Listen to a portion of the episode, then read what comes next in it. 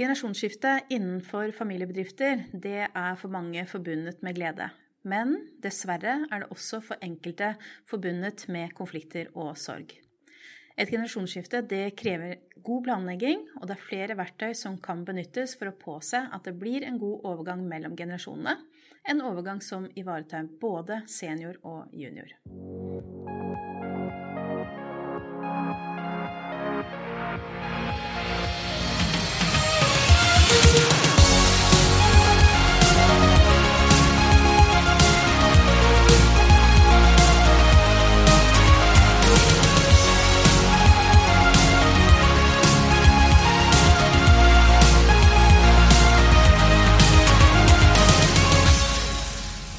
Velkommen til Tennkast, en podkast som tar for seg ulike temaer innenfor familie, arv og generasjonsskifte. Og med oss i studio her i dag er det som vanlig advokat Hanne Skrom Espeland. Hei, hei. Og så har vi også med oss igjen advokat Odd Gleditsch. Hei. Hei. Odd er jo da spesialist innenfor eh, selskapsrett og generasjonsskifte, blant annet. Og så har vi også med oss igjen advokat Lasse Jensen. Hei, hei. Hei. Og Lasse er da spesialist innenfor generasjonsskifte og skatt. Og navnet mitt det er da advokat Lene Marie Aas Torstensen. Og vi har da bred erfaring innenfor eh, arv og generasjonsskifte, og jobber i Tenden advokatfirma. Og vi, jo, vi fire har jo vært i studio før, vi. Eh, forrige gang vi var i studio, så snakket vi om eh, hva skjer med arveavgiften. Og da var vi også litt innom det med generasjonsskifte innen næring. Og det er også dagens tema. Så i dag skal vi snakke om generasjonsskifte knyttet til familiebedrifter. Og da generasjonsskifte i familiebedrifter. Det er jo et veldig viktig tema, men det kan jo også på mange måter være et uh, vanskelig tema. Ja, det er uh, ofte et veldig vanskelig tema i, i, praksis. Og ofte så er det jo også et, uh, et tema og, og, område som medfører at det er veldig mye det vi ikke kaller ikke-jus, som, som, kommer inn. en familiebedrift er ikke sjelden bygget opp over veldig mange år. Det er veldig mye følelse knyttet til, til selskapet ikke minst fra seniorgenerasjonen, som eh, kanskje har brukt all sin tid, eh, middagsselskaper, eh, andre familiemøter, hvor, hvor firmaet kommer mer eller mindre direkte eller indirekte inn. Så det er følelser ved å gi dette over til neste generasjon. Og det kan være verdier, i hvert fall i forhold til, til senior, at det er hans aller meste verdier, som, som, ligger da bygget opp over mange år i selskapet, hvor senior ofte har et ønske om at familiebedriften skal drives videre. Om ikke akkurat på samme måte, men i hvert fall drives videre på en god måte. Samtidig så får du dette øh, spørsmålet hvis det er flere arvinger, hvordan, hvordan skal vi klare å få dette rettferdig? Eh, er det min datter som er best egnet til å ta over? Eh, hvordan skal vi da eller håndtere mine andre arvinger? Skal de inn på eiersiden? Eh, eller skal de også prøve å komme med i, i, i bedriften på en eller annen måte? Altså, hvem er best egnet? Eh, det spørsmålet tror jeg veldig mange på senere generasjoner har en klar formening om, men det er ikke bestandig det er signalisert videre til, til juniorene Eh, og det, det, det, det er forståelig. Eh, og også det å unngå konflikter mellom eh, barna ved et generasjonsskifte tror jeg også er utrolig viktig, og, det, mener jo de, fleste selvfølgelig at det er unngå. Men spørsmålet er jo hvordan skal man unngå det? Jeg tror noen av stikkordene der er dette med åpenhet, delaktighet, i hvert fall når man da begynner prosessen. Eh, at juniorene, eh, altså neste generasjon, er inne i, i prosessen, og ikke bare én. Det er veldig viktig det du sier der, Lasse. Og det opplever vi i eh, alle generasjonsskifter, egentlig uavhengig om det er snakk om næring eller et vanlig generasjonsskifte. Og det man ofte sier, er jo at altså Kimen til konflikt er jo brutte forventninger. Så det med å ha dialog og snakke sammen, det er eh, nøkkelen til å unngå konflikt i samtlige generasjonsskifter. Ja, nei, men det, det, det, er helt klart. Og det er klart at det, men potensialet for konflikt er kanskje enda større hvis det er store verdier, sånn som i familiebedrifter. Og det man pleier å si, er at et vanskelig spørsmål det, det blir jo ikke noe enklere selv om man, man skyver på, på, beslutningen. Selv om det er lett å forstå eh, senior at man avventer. Eh, men, men, det er også viktig at man ikke avventer og, og gir for dårlige signaler til junior eh, eller flere juniorer. At de mentalt er inne et helt annet sted enn å overta familiebedriften. Ja, det er jo også slik at uh, det vi opplever med generasjonsskifter knyttet til familiebedrifter, er at det tar lang tid. Det er ikke en prosess man kan gjøre unna på et par uker. Det går ofte mange måneder fordi det er uh, mange problemstillinger som må avklares. Og um, de fleste i dag ønsker jo en eh, likedeling mellom barna når det gjelder verdiene, eller i hvert fall i så stor grad som mulig. Og Det bygger ofte på utfordringer hvis det er ett av barna som driver bedriften, og andre barn som da ikke driver. Eh, hva slags rettigheter skal de få knyttet til bedriften? Eller skal de ikke få noen rettigheter knyttet til bedriften, osv. Så, videre. så dette er, det er veldig mange spørsmål som må diskuteres, og det tar tid. Og man må jo selvfølgelig da involvere barna. Det er ikke noe som junior Nei, senior kan bare tre over hodet på barna. Eh, Lasse nevnte jo i stad at eh, mange bruker veldig lang tid på å ta en beslutning, fordi det nettopp er en veldig vanskelig beslutning å ta. Eh, på den annen side så opplever vi nå også at vi får veldig mange henvendelser fra folk som, som ønsker å sette i gang et generasjonsskifte nå. Eh, og da kan det jo fremstå noen ganger som at det generasjonsskiftet, at årsaken til at man ønsker å gjennomføre det nå, er eh, frykten for at eh, arveavgiften vil bli gjeninnført nå, siden det er et nært forestående valg. Hva er status der, Odd, når det gjelder arveavgiften? Kan du si Nei, noe der om det? Ja, altså Når det gjelder politikere, så kan man jo aldri vite. Jeg har vite noe annet enn at man jo ikke kan stole fullt og helt på det de sier. Men eh, siden vi hadde forrige podkast om dette emnet, så har det jo vært noen landsmøter. Og Vedum, som jo er i vinden, han gikk jo veldig klart ut før eh, landsmøtet og sa at det var uaktuelt for Senterpartiet å gjeninnføre arveavgiften. Og i forbindelse med landsmøtet så ble det jo ikke vedtatt noen gjeninnføring av arveavgiften. Og det samme gjelder jo i og for seg Arbeiderpartiet. Selv om det har vært litt forskjellige signaler der, så er det jo ikke noe spor i programmet til Arbeiderpartiet om gjeninnføring av arveavgiften. Eh, men det er klart alt dette avhenger mye av resultatet eh, ved valget. Det er ikke noe tvil om at eh, både SV og Rødt, og til dels også Venstre og MDG, ønsker å gjeninnføre arveavgiften. Men det viktigste er jo at man aldri må gjøre et generasjonsskifte bare i frykt for gjeninnføring av arveavgift. Det er klart at Hvis man skal gjøre det allikevel, så kan det være en god tid å gjøre det på nå hvor det er en viss sjanse for at det blir arveavgift. Og det er også slik at om ikke det blir arveavgift nå, så kan det jo bli det om fire år igjen, eller hva vet jeg. Så, men, men, men, men, det er viktig å ha i bakhodet at uh, man aldri må, må gjennomføre et generasjonsskifte bare i frykt for arveavgift. Jeg tenkte på det du nevnte i stad, Odd, at, eh, at det kan ta litt tid å få gjennomført. Eh, hvis noen går med planer nå og vurderer å overføre familiebedriften, er det tid, eh, tid, til å gjennomføre det før eh, du tror den eventuelt kunne blitt gjennomført? Ja, altså Det er vel ikke så veldig mange i Norge som tror at det er mulig å gjeninnføre arveavgift med virkning fra i år, og i hvert fall ikke med virkning før etter valget. Så det er fremdeles tid, men da må man sette i gang før sommerferien. For som jeg sa i stad, så det er ikke gjort på et par uker. og bli enige i familien om hvordan det skal skje.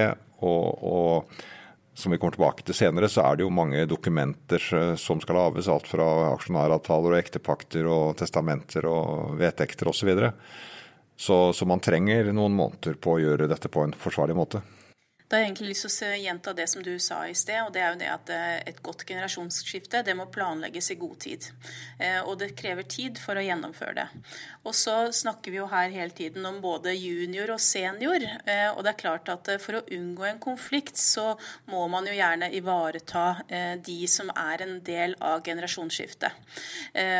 De fleste må både bli sett og hørt i denne prosessen for at det skal landes eh, godt på bena. Så da tenkte jeg kanskje vi kunne snakke litt om de ulike rollene.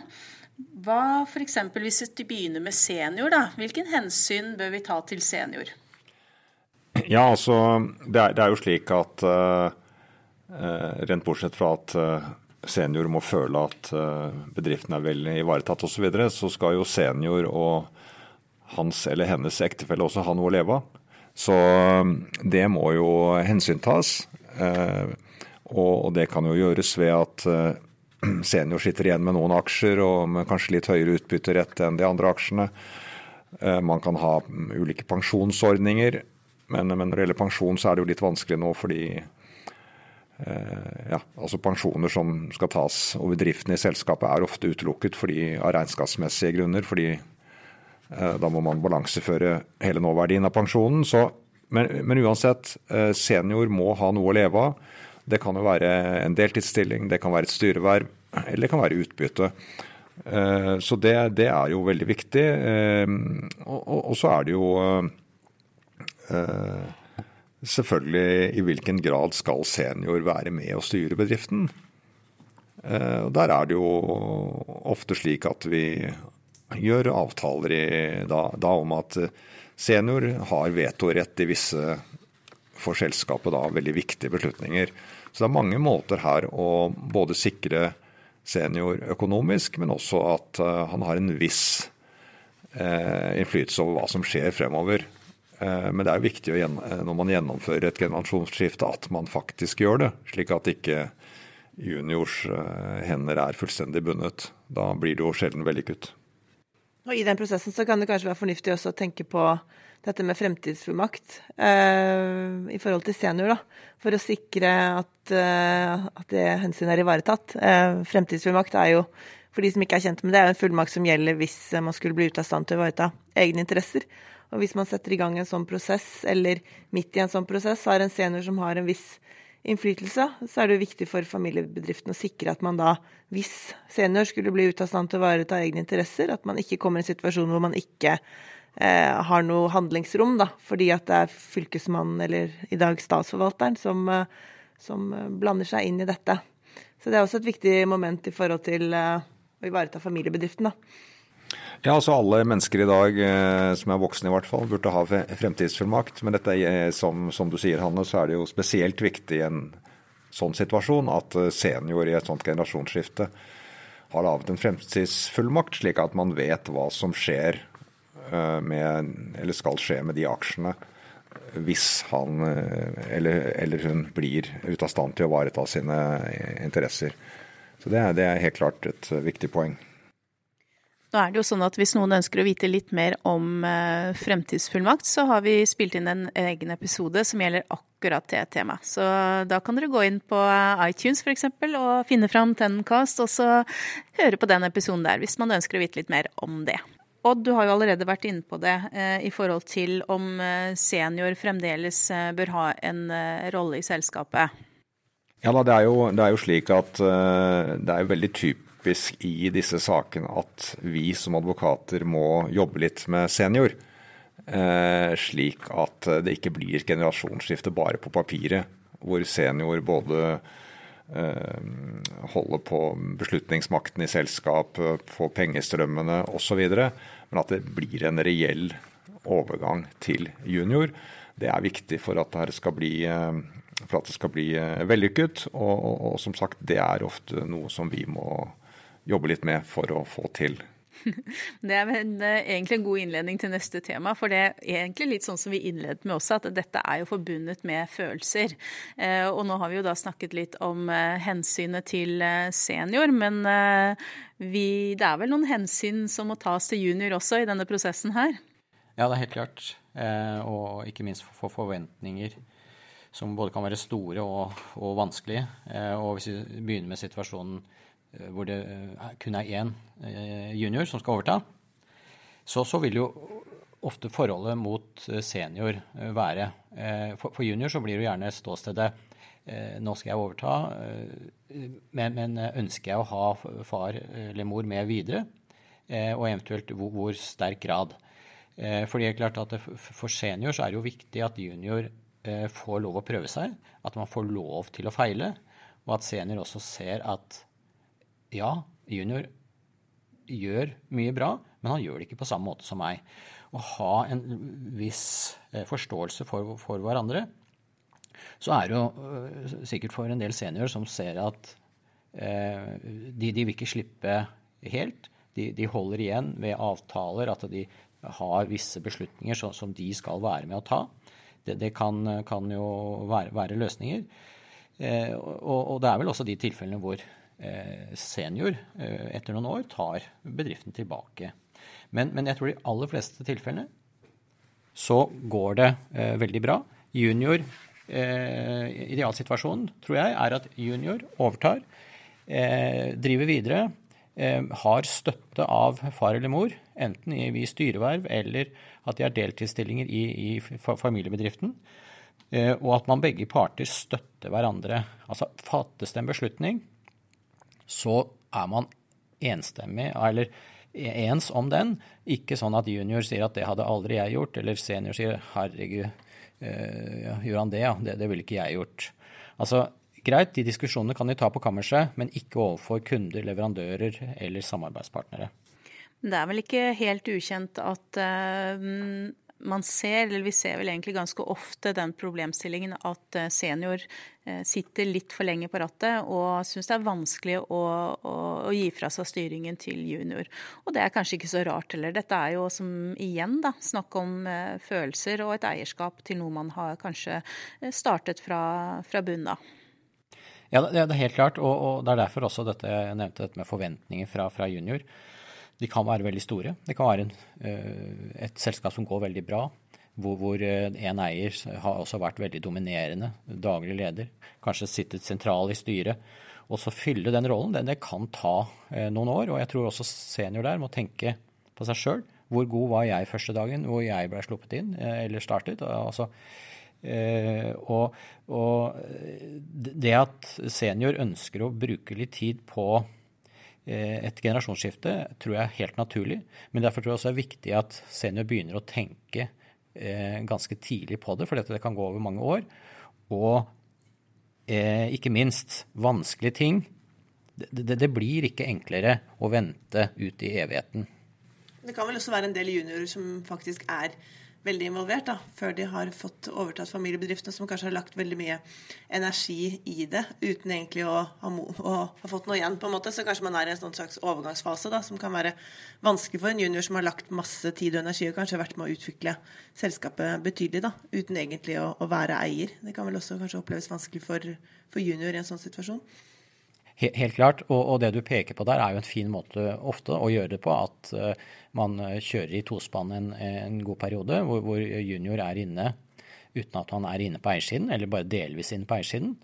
Uh, men så er det jo sånn, sånn som du sier, det er viktig at man er klar på uh, Altså ikke skape for mye forventninger, at junior føler at han er en testkanin om han skal kunne fortsette eller ikke, og at den ikke går altfor lenge. Uh, og kan tenke Det er litt sånn stolthet for, for, senior, men også for junior.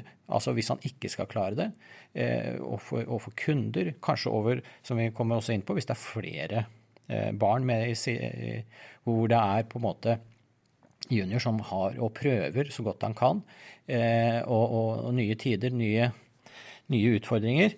Eh, og at han også skal face dette opp mot andre arvinger. Eh, det kan være hans søster og bror, og, og, da er vi inne på problemstillingen. Skal søster og bror være med på, på, på eiersiden eh, ved et generasjonsskifte, eller skal de ikke? Eh, det er ikke noe fasitsvar på, og ofte så er det vanskelig å få til en hel likedeling uten at de er med på, på eiersiden. Jeg kan ta et par eksempler. Uh, jeg, gjorde et generasjonsskifte for noen år siden hvor, hvor det var en junior som hadde tok over i tredje generasjon. Og jeg stilte han spørsmål. Eh, eh, ja, tenker du i forhold til dine søsken? Så sier han selvfølgelig så skal de være med på eiersiden. Jeg er ikke kommet gratis inn i, i firmaet. Eh, og, og, og, de skal være med på eiersiden selv om de ikke bidrar annet enn å sitte i styret, altså som passive eiere. Mens andre syns jo det er en, en, tung bit. Og, og bruker veldig mye tid. all sin tid. Og kanskje vært eneste som har interessert seg for bedriften. Og da skal kunne dele Hvis det er tre søsken og alle skal dele utbytte med en tredjedel hver, det, det, kan nok være litt kompliserende. Og hvis vi også bruker et, eh, et minutt på, på, på, de som da sitter som passiv aksjonær eh, Ja, de har jo da interesse av å få utbytte, og det har de jo rettmessig krav på. Eh, og, og så, Sånn sett er det helt forståelig. og Ofte så legger vi inn i aksjonæravtaler og sånn at de er sikret eh, en viss form for utbytte, og i hvert fall dekke formuesskatten, at det er et minimum. Og at det, det, det blir levelig for, for, for alle. Eh, og det er klart at jeg tror det er også viktig for de som sitter som passive, å ha en forståelse for hvor, hvor tungt det kan være i perioder for, for i hvert fall til å begynne med, for, for sin bror eller søster som driver dette. Men, men antagelig så har man ikke noe å bidra med, så er det kanskje det bedre å holde seg helt utenfor og være eventuelt sitte i et styremøte eller, og, og nøye seg med det. Eh, ja. Lasse, de temaene som du er innom nå, mm. det er jo egentlig veldig viktig å være kjent med Eh, i god tid forut for et eventuelt dødsfall. For det er klart at eh, Når man snakker om å overdra en familiebedrift, så, så, er det jo ofte snakk om store verdier. Og det er ikke alltid slik at man har verdier nok for øvrig til å løse ut andre arvinger. Så det er klart at eh, ved et dødsfall så, så er man jo mer bundet til, eller man er helt bundet til de arverettslige reglene om eh, fordeling mellom arvinger, hvis ikke man har lagt det opp eh, annerledes ved et testament testament. Med selve testament så er man jo bundet um, hva gjelder bl.a. pliktdelsreglene til barna. Uh, og Derfor er det jo i forhold til det med å, å tenke generasjonsskifte i levende live, så er det klart da har man jo uh, mer fritt spillerom i forhold til det å overdra f.eks. større verdier til ett av barna, hvis det er et ønske. Ja, nei, men eh, det, det er helt, helt klart. og Eh, det med det, det, blir ofte ikke et helt eh, At alle blir 100 fornøyd, men, men, at alle blir mest mulig for, fornøyd, og at det er en ordning sånn som eh, fungerer. Og, og, eh, det er naturlig, i tillegg til testament, aksjonæravtaler, hvor, hvor man eh, setter litt rammene, og, og kanskje også eh, at de som er aktive, sitter på A-aksjer. De som kun skal ha og ikke er pass, altså passive, eh, har B-aksjer. Altså at man, eh, det, det, blir styrt av én, men, men, at man har krav på utbytte og, og, og, den type ting. Som Lene nevnte i stad, så er det jo fornuftig å, å gjennomføre dette i levende livet som da eventuelt forskudd på arv. Eh, og hvis man da ønsker å overdra aksjer som forskudd på arv, så er det viktig, hvis man ønsker at det skal avkortes, eller det betyr altså da at det skal hensyntas i det, det endelige arveoppgjøret. Altså verdien av gaven skal hensyntas i det endelige arveoppgjøret, slik at barna arver eh, noenlunde likt. Så er det viktig at eh, gavemottaker nå etter ny lov aksepterer at den, eh, det arveforskuddet skal hensyntas i det endelige arveoppgjøret. Så hvis man overfører aksjer til barna uten at de Eh, fortrinnsvis da skriftlig samtykker til at dette skal hensyntas i det endelige arveoppgjøret, så, så, kan man ikke kreve det i ettertid. Eh, så Derfor er det veldig viktig hvis man ønsker en noenlunde likhet, at man lager et uh, gavebrev hvor man hensyntar det, og som barna også da signerer på. Det er veldig viktig det du sier der, Hanne. Eh, og det er det ikke så mange som er kjent med. Eh, og særlig nå, som, du sier, ikke sant, de nye reglene, at vi må ned i skriftlig form. Det må ned i skriftlig form, selv om det egentlig står, eh, ikke står det i loven. Det er vi vel enige om. Ja. ja. Nå har vi snakket om hensynet til senior, og vi har snakket om hensynet til junior. Men dette her dreier seg jo om egentlig selskapet. Eh, og vi må jo da snakke litt om hensyn til selskapet, og ikke minst de ansatte, som er eh, noe av det viktigste ved de fleste bedrifter. Ja, og, og jeg tror eh, Eller vår erfaring er at det er jo ikke det er jo ikke vanskelig å få verken junior, i hvert fall ikke senior, til å til å eh, legge det inn i planen at eh, man ikke må gjøre noe som utsetter selskapet for unødige problemer, for å si det slik. Og det, det er jo en tendens selvfølgelig til i forbindelse med et generasjonsskifte at utbyttenivået øker, fordi senior har vært veldig forsiktig, og junior kanskje vil ha litt mer utbytte, eller trenger utbytte for å betale formuesskatt eller arveavgift eller, eller, hva det måtte være. Og, og, da er det jo selvfølgelig naturlig at man er innom alternativet. Altså er det bedre for selskapet, og kanskje også for eierne, da, at, at bedriften selges. Det er i hvert fall noe man må tenke igjennom. Og et generasjonsskifte kan jo også være en eh, gyllen anledning til å vurdere om det er noen nøkkelansatte som skal komme inn på eiersiden. Det kan jo f.eks. være slik at de eh, kjøper aksjer som kan, hvor pengene kan brukes til å løse ut eh, juniorer som ikke skal drive selskapet. Så her er det veldig mange ting å, å vurdere. Man må jo vurdere forhold til kunder og markedet generelt, om det er, er, det, er, det, er det riktig at eh, denne eller disse juniorene skal overta, og hvordan skal de drive. Og så er det selvfølgelig viktig for tryggheten til de ansatte i bedriften at, eh, at dette gjøres på en ordentlig måte med informasjon og osv. Slik at både bedriften og de ansatte eh, ja, føler trygghet. Og du nevnte jo det med nøkkelpersoner i selskapet som kanskje kunne tenkes å ha en form for rolle inne på eiersiden. Men, eh, men sånn ansatte generelt, hvordan bør man ta hensyn til de ansatte i, en, eh, i et generasjonsskifte? Ja, Det viktigste er jo selvfølgelig at de ansatte informeres om at eh, nå skal det skje et generasjonsskifte, og hvordan det skal skje, og at de føler trygghet for at ikke det ikke det skjer noe i bedriften som setter arbeidsplassen i fare. Jeg kan komme med et eksempel der på et generasjonsskifte som ble gjort her eh, for et par år siden, hvor, hvor junior kommer inn, eh, samtidig hvor nøkkelansatte, både daglig leder, økonomisjef, også kommer inn på eiersiden.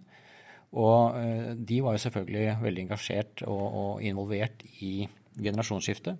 Men det som var veldig gledelig, var jo at man var jo litt sånn usikker hvordan vil dette oppfattes eh, hos de ansatte, alle ansatte.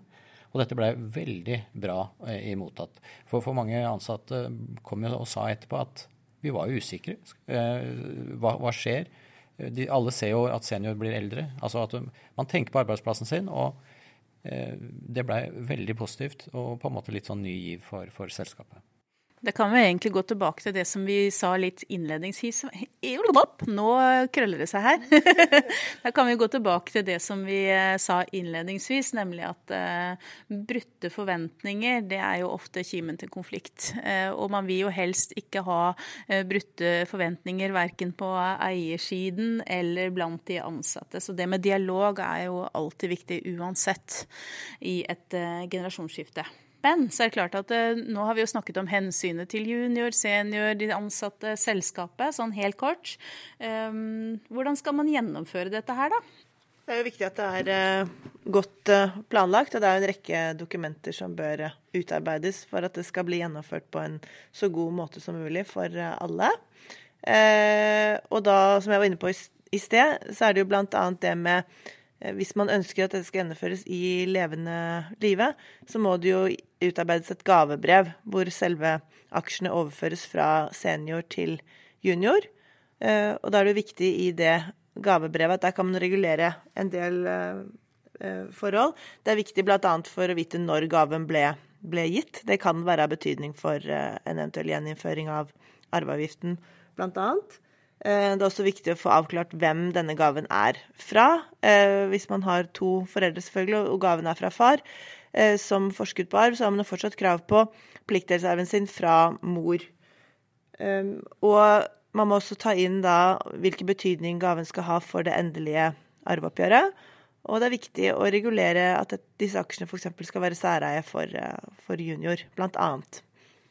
Ja, og så er det, jo, er det jo eh, i et generasjonsskifte knyttet til en bedrift, så eh, vil det jo vanligvis være behov for en aksjonæravtale. og Der er det veldig, veldig viktig å huske på at det er skreddersøm. Det er ikke slik at man kan hente frem en standard aksjonæravtale, bruke den. Eh, og det er i og for seg ikke noen grenser for hva man kan avtale i en aksjonæravtale, og derfor blir det ofte også kalt en familieavtale. For det kan være en blanding av rene selskapsrettslige ting, som f.eks. hvordan skal styret velges, hvordan skal junior som driver bedriften f.eks. informere sine medaksjonærer osv. osv.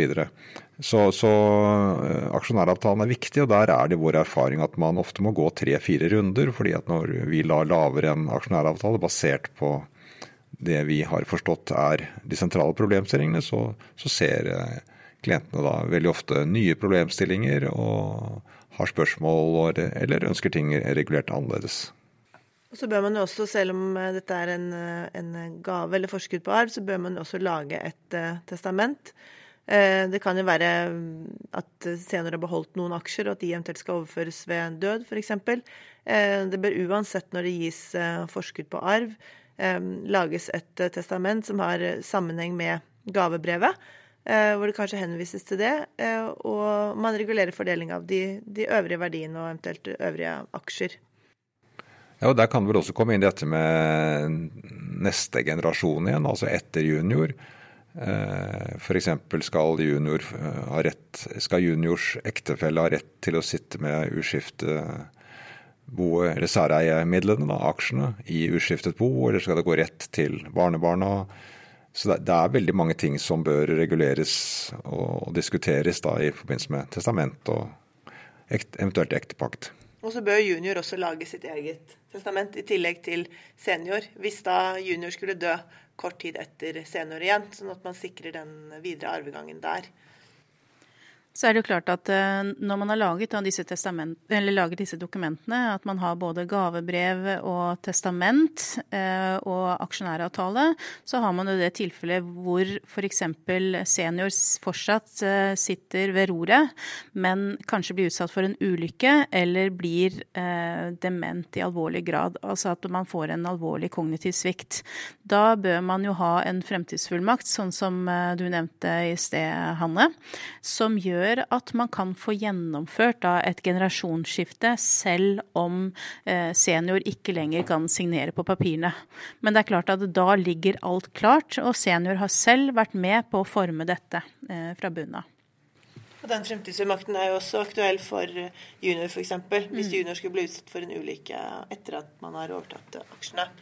Så er det også viktig hvis junior eh, enten er, et, er gift eller samboer, eller eventuelt vil bli det i fremtiden, så er det viktig at man, um, man lager en, en ektepakt eller en, en samboeravtale for junior.